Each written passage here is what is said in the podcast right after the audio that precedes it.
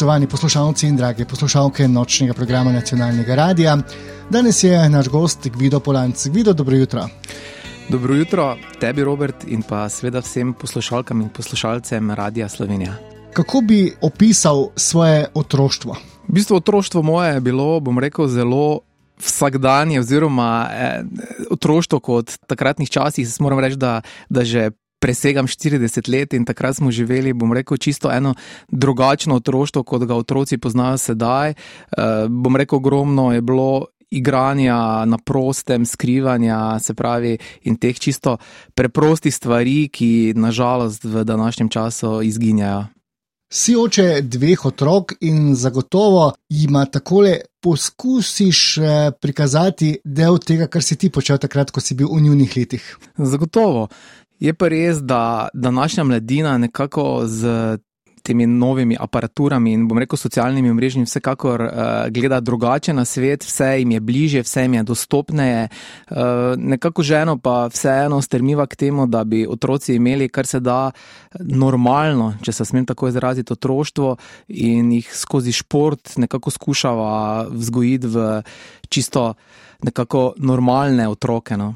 Če greva takole iz uh, otroških let uh, skozi najstniška leta, kako so potekala? V bistvu odraščal sem v Šentilju, tam sem tudi obiskoval osnovno šolo, na kar sem uh, se upisal v gimnazijo v Mariboru, tretjo gimnazijo in po gimnaziji seveda študij ekonomije. Uh, končal sem ekonomijo in pol magisterij iz managementa, vse skozi pa smo imeli v družinsko podjetje, ker sem že od bom rekel, mladosti uh, bil zelo zagnan in z očetom sva počela marsikaj skupaj in tako dejansko tudi ustvarjala podjetje in pa seveda živeli podjetniško življenje. Tvoja naloga na magistru je bila študija izvedljivosti, kako povečati prihodke v podjetju IPOL-DOO.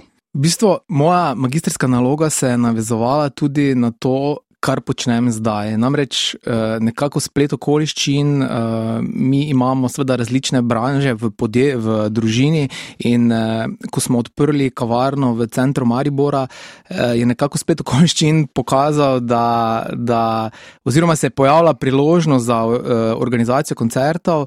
Takrat, če mogoče povem to anegdoto, na moj poroki je nastopil tudi takrat moj dober prijatelj Petr Grašo in sem ga Petra vprašal, Peter, ali bi prišel na odpet nekaj pesmi na otvoritev uh, lokala.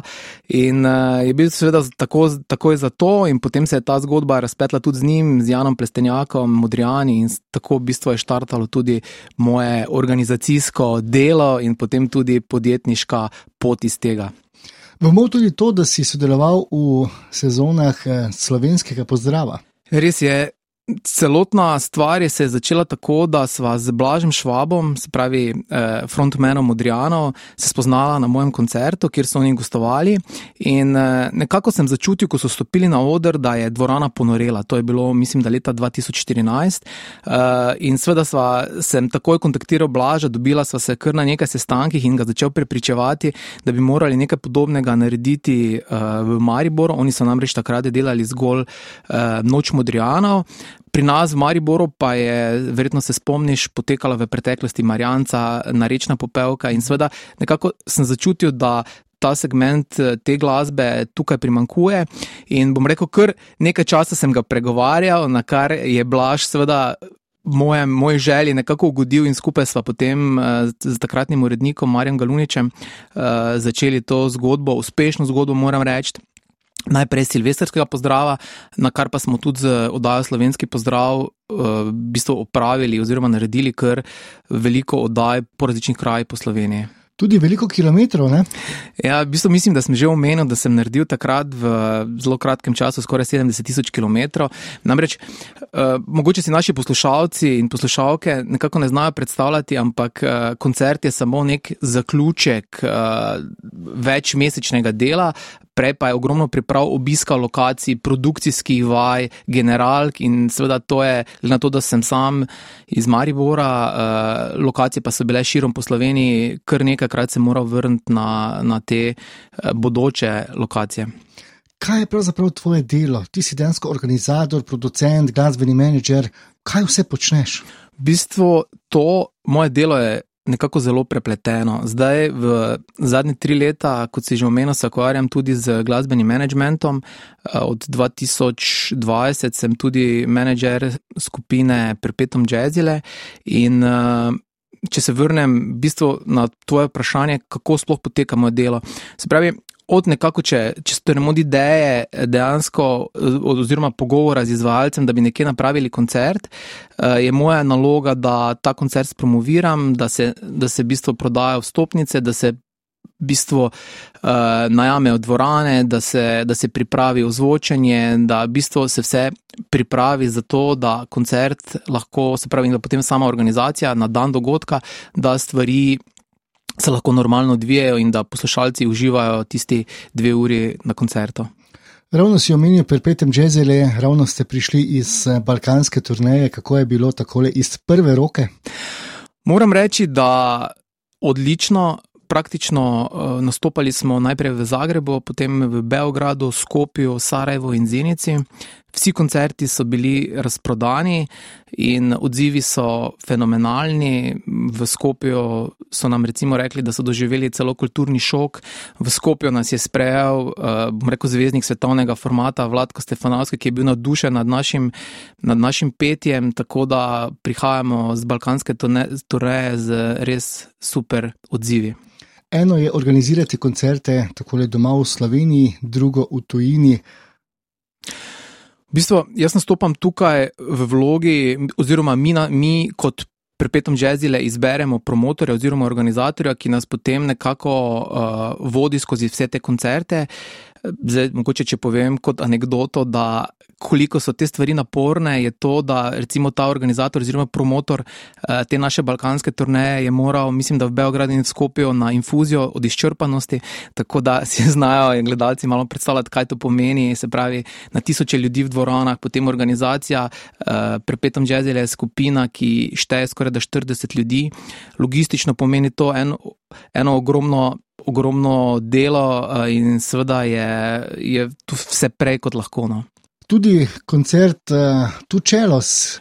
Tu Čelo sem organiziral v dvorani Tabor leta mm. 2014 mm.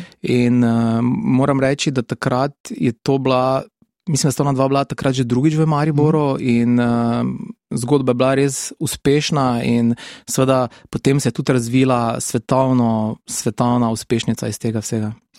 Kako pravzaprav izbiraš izvajalce, s katerimi se potem dogovoriš za organizacijo nekako po svoji intuiciji uh, in pa seveda tudi po popularnosti. Zdaj namreč, če govoriva uh, konkretno, ker v največ stvari sem oddelal v dvorani Tabor v Mariboru, uh mhm. -huh. je seveda to dvorana, ki spreme več kot 4000 ljudi in za takšno zadevo je seveda tudi potrebno imeti nek občutek, da bo stvar. Tudi prodajno šla čez, mhm. in uh, zagotovo je pomemben vidik tudi to, da da je izvajalec popularen, da je v današnjem času zelo pomembno, da je prisoten na socialnih omrežjih uh mhm. -huh. in pa seveda, da je, da je v okolju, v katerem pripravljaš koncert, tudi nekako priljubljen. Ravno smo tako končali prejšnji vikend koncert Nine Pušler, ki je bil prav tako v Mariboru razprodan in je tako nadaljevanje tistega otlani iz uh, dvorane Tivoli v Ljubljani. Ne? Tako je z Nino sodelujeva že, bom rekel, kar nekaj časa. Moram reči, ne, ne samo, da, da rad delam z njo, da je tudi, da moram, mislim, da so skoraj da že jaz, mislim, stkala v teh letih eno veliko prijateljstvo. Vsa leta Uh, v bistvu smo organizirali en koncert v gledališču v Mariboru, letos uh -huh. je primerno nastopila v dvorani Tabor. In uh, jaz mislim, da po odzivih, da je koncert bil tudi navdušujoč za vse, vse obiskovalce, tako da se veselim ponovnega sodelovanja z Nino. In vsak ta koncert uh, s popularnim izvajalcem ti da dobre reference. Uh, jaz mislim, da imamo vsi v življenju, karkoli počnemo, uh, radi neko varnost in jaz pač verjamem, da izvajalci, ki delajo z mano, da jim je to zelo pomembno, se pravi vidik, da je stvar dobro zorganizirana in pa seveda ključno je pa to, da so na koncu dvorane polne. In seveda profesionalni odnos. Ne? To pa zagotovo. Katere izvajalce bi takole ob Nini in Perpetuum Jazzele še omenil? Zagotovo uh, bi omenil uh, Jana Plestenjaka, s katerim sva bom rekel, naredila kar nekaj lepih koncertov, potem tukaj zagotovo prepetom jazzile, uh, modrijani, uh, kar se pa tiče, mislim, tudi vlado Kresli, ne na zadnje smo delali njegove koncerte v uh, gledališču v Mariboru. Moram pa omeniti, recimo, da prireditev. O kateri smo pregovorili, in recimo Silvestrski pozdrav, v kateri je nastopilo skoraj 200 nastopajočih. In bom rekel, prav lep je občutek, o tem sem zadnjič razmišljal, ko smo nastopili s Perpetom Jazzile v studiu TV Slovenija in smo srečevali vse te glasbenike in so vsi bili nekako navdušeni in spraševali, kdaj bomo to ponovili. Je pa največje zadovoljstvo, da, da glasbeniki pogrešajo to, da smo dejansko naredili neko dobro stvar za slovensko glasbo. Vido, kakšen mora biti človek, ki počne to, kar počneš ti, zagotovo mora imeti dobre živce. Zagotovo, živci, živci so, so ena stvar. V, bistvu, v tem šovu biznisu eh, ni delovnega časa, se pravi, delovnik poteka 24 ur, eh, je zelo stresno in eh, vsekakor pa moraš imeti to delo rad. In jaz imam privilegij, da lahko počnem stvari, eh, ki jih imam rad in je v bistvu to tudi moja služba. Prej si mi že omenil, da je to nekako nadaljevanje družinske tradicije. Ne? Res je, starša sta me vzgojila, v bistvu vzgojen sem bil v podjetniški družini in uh, jaz mislim, da ne glede na to, katero stvar počneš v življenju, uh, če si v podjetništvu, so nekako enake zakonitosti in uh, na tej poti zagotovo mi je to zelo pripomoglo. Vedno novi izzivi, nove izkušnje. Novi izzivi, zdaj, če smem mogoče povdariti, da je moj fokus na skupini Perpetuum Jazzile. Skupina letos praznuje 40 let, uh mhm. -huh. obeležili to, to obletnico bomo obeležili v Cankarjevem domu, z prvi koncert je že razprodan, drugega je že v prodaji. Oktobra, oktobra, se pravi 28. je koncert razprodan, 29. oktobra, mogoče sled temu sledi še kakšen naslednji, ne vemo. Uh, če pa pogledam malo v bližnjo prihodnost, pa nas čaka.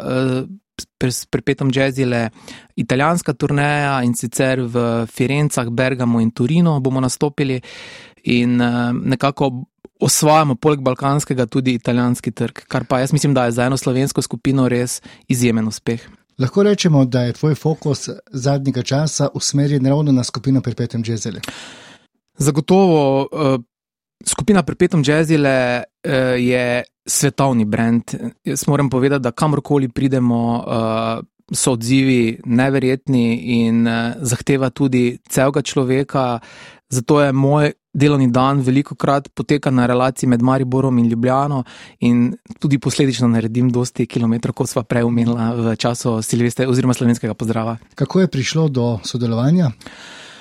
Sodelovati smo začeli že 2018, kjer sem jih povabil na silvestrski pozdrav v dvorano Tabor in nekako so se potem, potem spletla ta eh, poslovna sodelovanja, na kar sem organiziral njihov koncert 2018 Valentinov v, v dvorani Tabor, eh, potem oddelal še njihovo turnejo Le Slovensko po različnih mestih po Sloveniji in eh, ko so nekako se tam začele dogajati neke menjave, so je pač vodstvo takratno uh, stopilo v kontakt z mano in me poprašalo, ali bi bil pripravljen uh, zadevo v bistvu prevzeti, na kar sem potreboval kar nekaj časa, sem se vzel za premislek in uh, v bistvu mi niti za sekundu ni žal, da sem stopil v te velike čevlje. Tako le moraš biti verjetno tudi malce tu in tam strok in prilagodljiv, kajti ni jih malo, ne? Večkrat povdarjam, da je to ena velika družina. In uh, bom rekel, včasih je naporno, tudi uh, se zgodijo, isto kot v vsaki družini, detajli, malenkosti, ki, so, ki pritičejo družini, ampak na koncu se imamo vsi zelo radi in funkcioniramo tako, kot sem omenil, kot velika družina. Tukaj ni samo koncertno prizorišče. Je tudi v bistvu organizacija vsega, kar sodi zraven, od hrane do prenočišč, do prevozov. Management je v bistvu en zelo, bom rekel, širok pojem. Namreč, eh, poleg tega vsega, kar si omenil, eh, zahteva tudi planiranje, se pravi načrtovanje, načrtovanje eh, vsega, kar sodi od videospotov, snemanja CD-ja, planiranja turnej. Eh, PR-ja, eh, skratka, vsega, kar sodi, in seveda potem kasnejše izvedbene. Spoštovani poslušalci in drage poslušalke, naš gost je Gvido Polanc in govorimo o njegovem zanimivem poklicu, eh, ki mu ga zagotovo marsikdo tudi tako le zavida. Ne? Vsaka stvar, oziroma vsaka uspešna stvar, uh, ljudje gledajo z občudovanjem. Na, vsako uspešno stvar ljudje gledajo z občudovanjem, ampak uh, verjetno marsikdo tudi ve, da za vsako uspešno zgodbo stoji ogromno odrekanja, ogromno dela in pa ogromno vloženega ča časa. Tako da jaz mislim, da, da se ljudje vedno bolj zavedajo, da ni vse zlato, kar se sveti. Kako na vse skupaj gleda tvoja družina? Si oče dveh otrok, eh, tvoja žena Vanja, te zagotovo podpira, je pa tudi uspešna odvetnica. Družina, jaz mislim, da, da se je že navadila na, na, na mojo odsotnost v zadnjem času. Je pa seveda težko, uh, ko si vikende odsoten v tujini in recimo nisi za svojo družino. Jaz moram reči, da je ta starejši otrok že tudi uh, intenzivno trenira košarko in vsaka tekma, ki jo med vikendom zamudim, mi je žal za to, ampak to pač je davek, ki ga plačujem za biti uspešen menedžer. Ampak eh, drugače, pa ko si doma, se jim pa zagotovo posvetiš. Seveda, kar se, tiče, eh, kar se tiče družinskega časa, si ga organiziramo tako, da smo čim več skupaj, da, da gremo smučati, da gremo na morje, da, da preživljamo čas z družino in seveda to je to, kar nam mi največ pomeni v življenju. Jaz mislim, da je družina ena celica, kjer v bistvu črpaš vso energijo, da sploh karkoli lahko v življenju uh, ustvarjaš, in meni daje to največjo moč, da, da lahko v bistvu naredim stvari, ki si jih zamislim, in tudi eno mirnost, en, eno varnost, zavetje, da lahko. Jaz mislim, da mirno oddelaš vse te zadeve. Če tako le gledamo zdaj, le, ko nisi v službi, ko si doma, kaj je tisto, kar te sprošča po vseh teh napetostih in stresu, ki ga doživljaš ob tvojem delu? V bistvu podobno kot vsi ostali, radi pogledamo skupaj kakšen dober film, skuhamo kaj, gremo kaj dobrega pojesti, uh, odpravimo se na kakšen sprehod. Uh, Se pravi, radi smučamo, med počitnicami smo izkoristili in smo z družino se odpravili na smučanje, poleti obožujemo morje. Jaz mislim, da, da je to nič kaj nenavadnega. Je pa zelo nenavadno, da si v tem medijskem poslu in nisi prisoten na teh novih medijih, novih elektronskih medijih. Na tem nivoju najdem nek, eh, na tem, bom rekel, segmentu najdem nek mir svoj. Namreč uh, vsi smo danes uh, okupirani z vsemi temi socialnimi omrežji in bom rekel, že po poslovni poti je že. Po poslovnem vidiku, plati je že ogromno teh nekih informacij, nek, nekih stvari, ki jih je potrebno neprestano spremljati, tako da je bila sprejeta nekako odločitev, da sam osebno tega ne bom počel. Ampak zagotovo pa je telefon tvoj spremljevalec. Ja, jaz mislim, da, da brez telefona namreč uh, skoraj, mislim, zagotovo več ne gre. In včasih se zgodi tudi, da, da pot med Mariborom in Ljubljano uh, poteka v seveda na varen način, uh, vse čas z telefonom. Eh, si še kaj prisoten tudi v vašem gostinskem delu? Seveda, mi imamo v družini tudi dve kavarni in uh, z bratom nekako vodiva ta del posla. In seveda, ko, ko, me, ko sem doma, ko nisem na poti, ko nimam opravka glede, glede organizacije koncertov, uh, skoraj da vsak dan se ostavim v eni ali drugi kavarni in uh, nekako upravim stvari, ki jih je pač tudi potrebno. Imaš kakšen recimo ritual, ki ga tako vsak dan opraviš, ne glede na to, ali si vem, doma ali si pa kje na poti? Moj ritual je, seveda, ampak to tudi se tiče nekako zdravstvene, mm. zdravstvenih stvari, namreč imam malo težave s hrbtenico in uh, moj ritual je zjutraj, da naredim neke vaje, ki, ki, sem, ki so mi predpisane, tako da nekako se boljše počutim in je to ta ritual. No. Mm -hmm. Naš nočni gost je Gvido Polanc in govorimo o njegovem delu. Je namreč organizator, producent in glasbeni menedžer in vse skupaj tako le združuje skupaj s svojo družino, ženo Vanjo in dvema otrokoma. In eh, na zadnje smo omenili tudi Perpetuum Jazzele, ki ti je tako lahko rečemo, zdaj v zadnjem času tudi um, nekako skoraj polna zaposlitev. Ne? Ja, Perpetuum Jazzele, kot smo že prej ugotovila, en bom rekel, svetovno znani brand, ki pa, uh, ki pa jemlje seveda celega človeka. Jaz moram podariti, da imam zraven sebe še tudi odlično sodelavko Lano Pahič, ki skrbi v prepetem jazzile za booking, to pomeni za. Za urejanje nastopov, za, za dejansko dogovarjanje, in je, bom rekel, moja desna roka, in si ne znam predstavljati, da bi nekdo pri tako veliki skupini lahko zgolj sam upravljal vse to delo. Torej, dejala smo že prej, na vrsti bo skoraj turneja po Italiji, potem obletnica 40 let ob uh, koncu meseca oktobra v Cankerjevem domu. Veliko izziva, ne?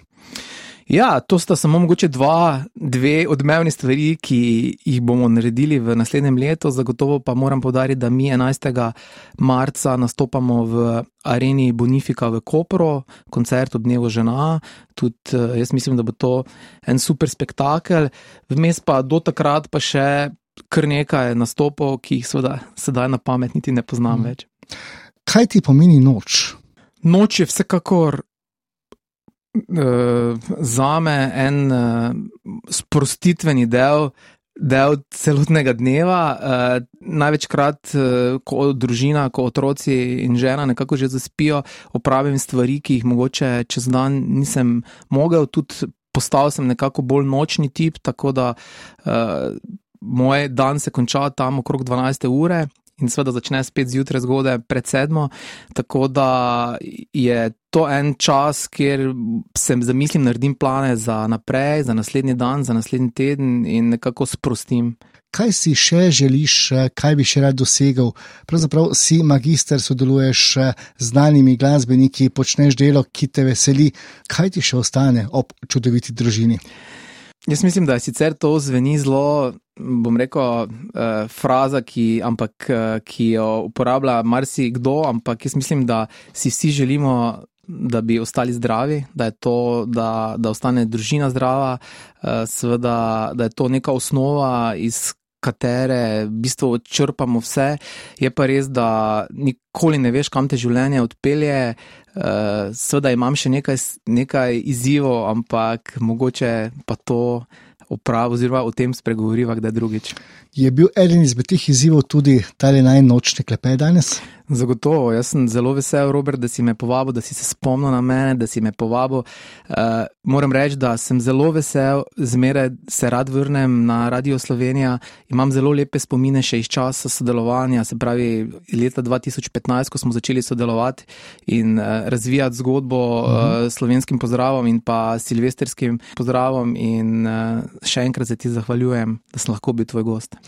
Hvala lepa za sodelovanje v našem nočnem klepetu in eh, naj se vse to, kar imaš v planu, tudi tako uresniči. Ne? Hvala za lepe želje, tudi tebi in pa poslušalkam in poslušalcem želim vse dobro in pa upam, da se srečamo na kakšnem od mojih koncertov.